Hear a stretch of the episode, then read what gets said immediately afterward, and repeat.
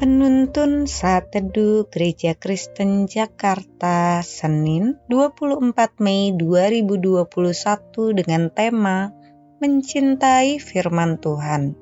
Firman Tuhan terambil dari Mazmur 119 ayat 97 sampai 105 berkata demikian. Betapa ku cintai Tauratmu, aku merenungkannya sepanjang hari Perintahmu membuat aku lebih bijaksana daripada musuh-musuhku, sebab selama-lamanya itu ada padaku.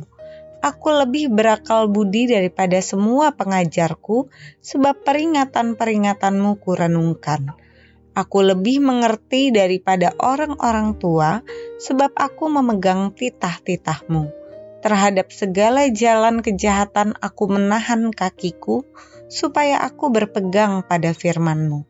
Aku tidak menyimpang dari hukum-hukum-Mu, sebab Engkaulah yang mengajar aku. Betapa manisnya janjimu itu bagai langit-langitku, lebih daripada madu bagi mulutku.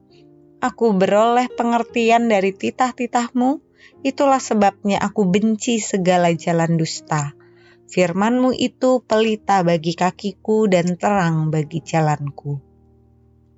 Satu kejadian yang tidak pernah saya lupakan dari almarhum kakek saya adalah saat kematiannya. Ia meninggal sambil menghafalkan kitab Mazmur 23. Bagaimana mungkin seorang di usia 85 tahun dengan kondisi yang sangat kritis masih sanggup menghafalkan bagian Alkitab tanpa satu kata pun yang terlewatkan?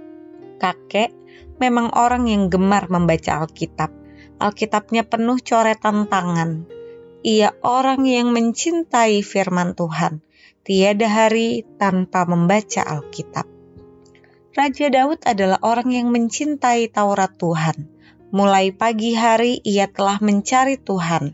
Ia sungguh sadar betapa pentingnya Taurat Tuhan selalu direnungkan. Baginya, firman Tuhan adalah pelita bagi kaki dan terang bagi jalannya. Tanpa firman Tuhan, seseorang hidup dalam kegelapan dan dosa. Firman itulah yang membuat seseorang menahan kakinya untuk melangkah pada jalan kesesatan.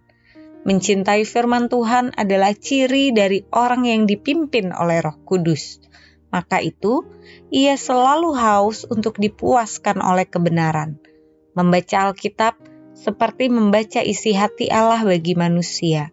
Ketika membaca, kita seolah sedang berkomunikasi dengan Tuhan Memang ada banyak hal-hal yang sulit dipahami dari isi Alkitab, namun Roh Kudus akan memampukan kita untuk memahami hal-hal yang tidak terpahami dan memberi tuntunan untuk memahami kehendak Allah di dalam hidup kita.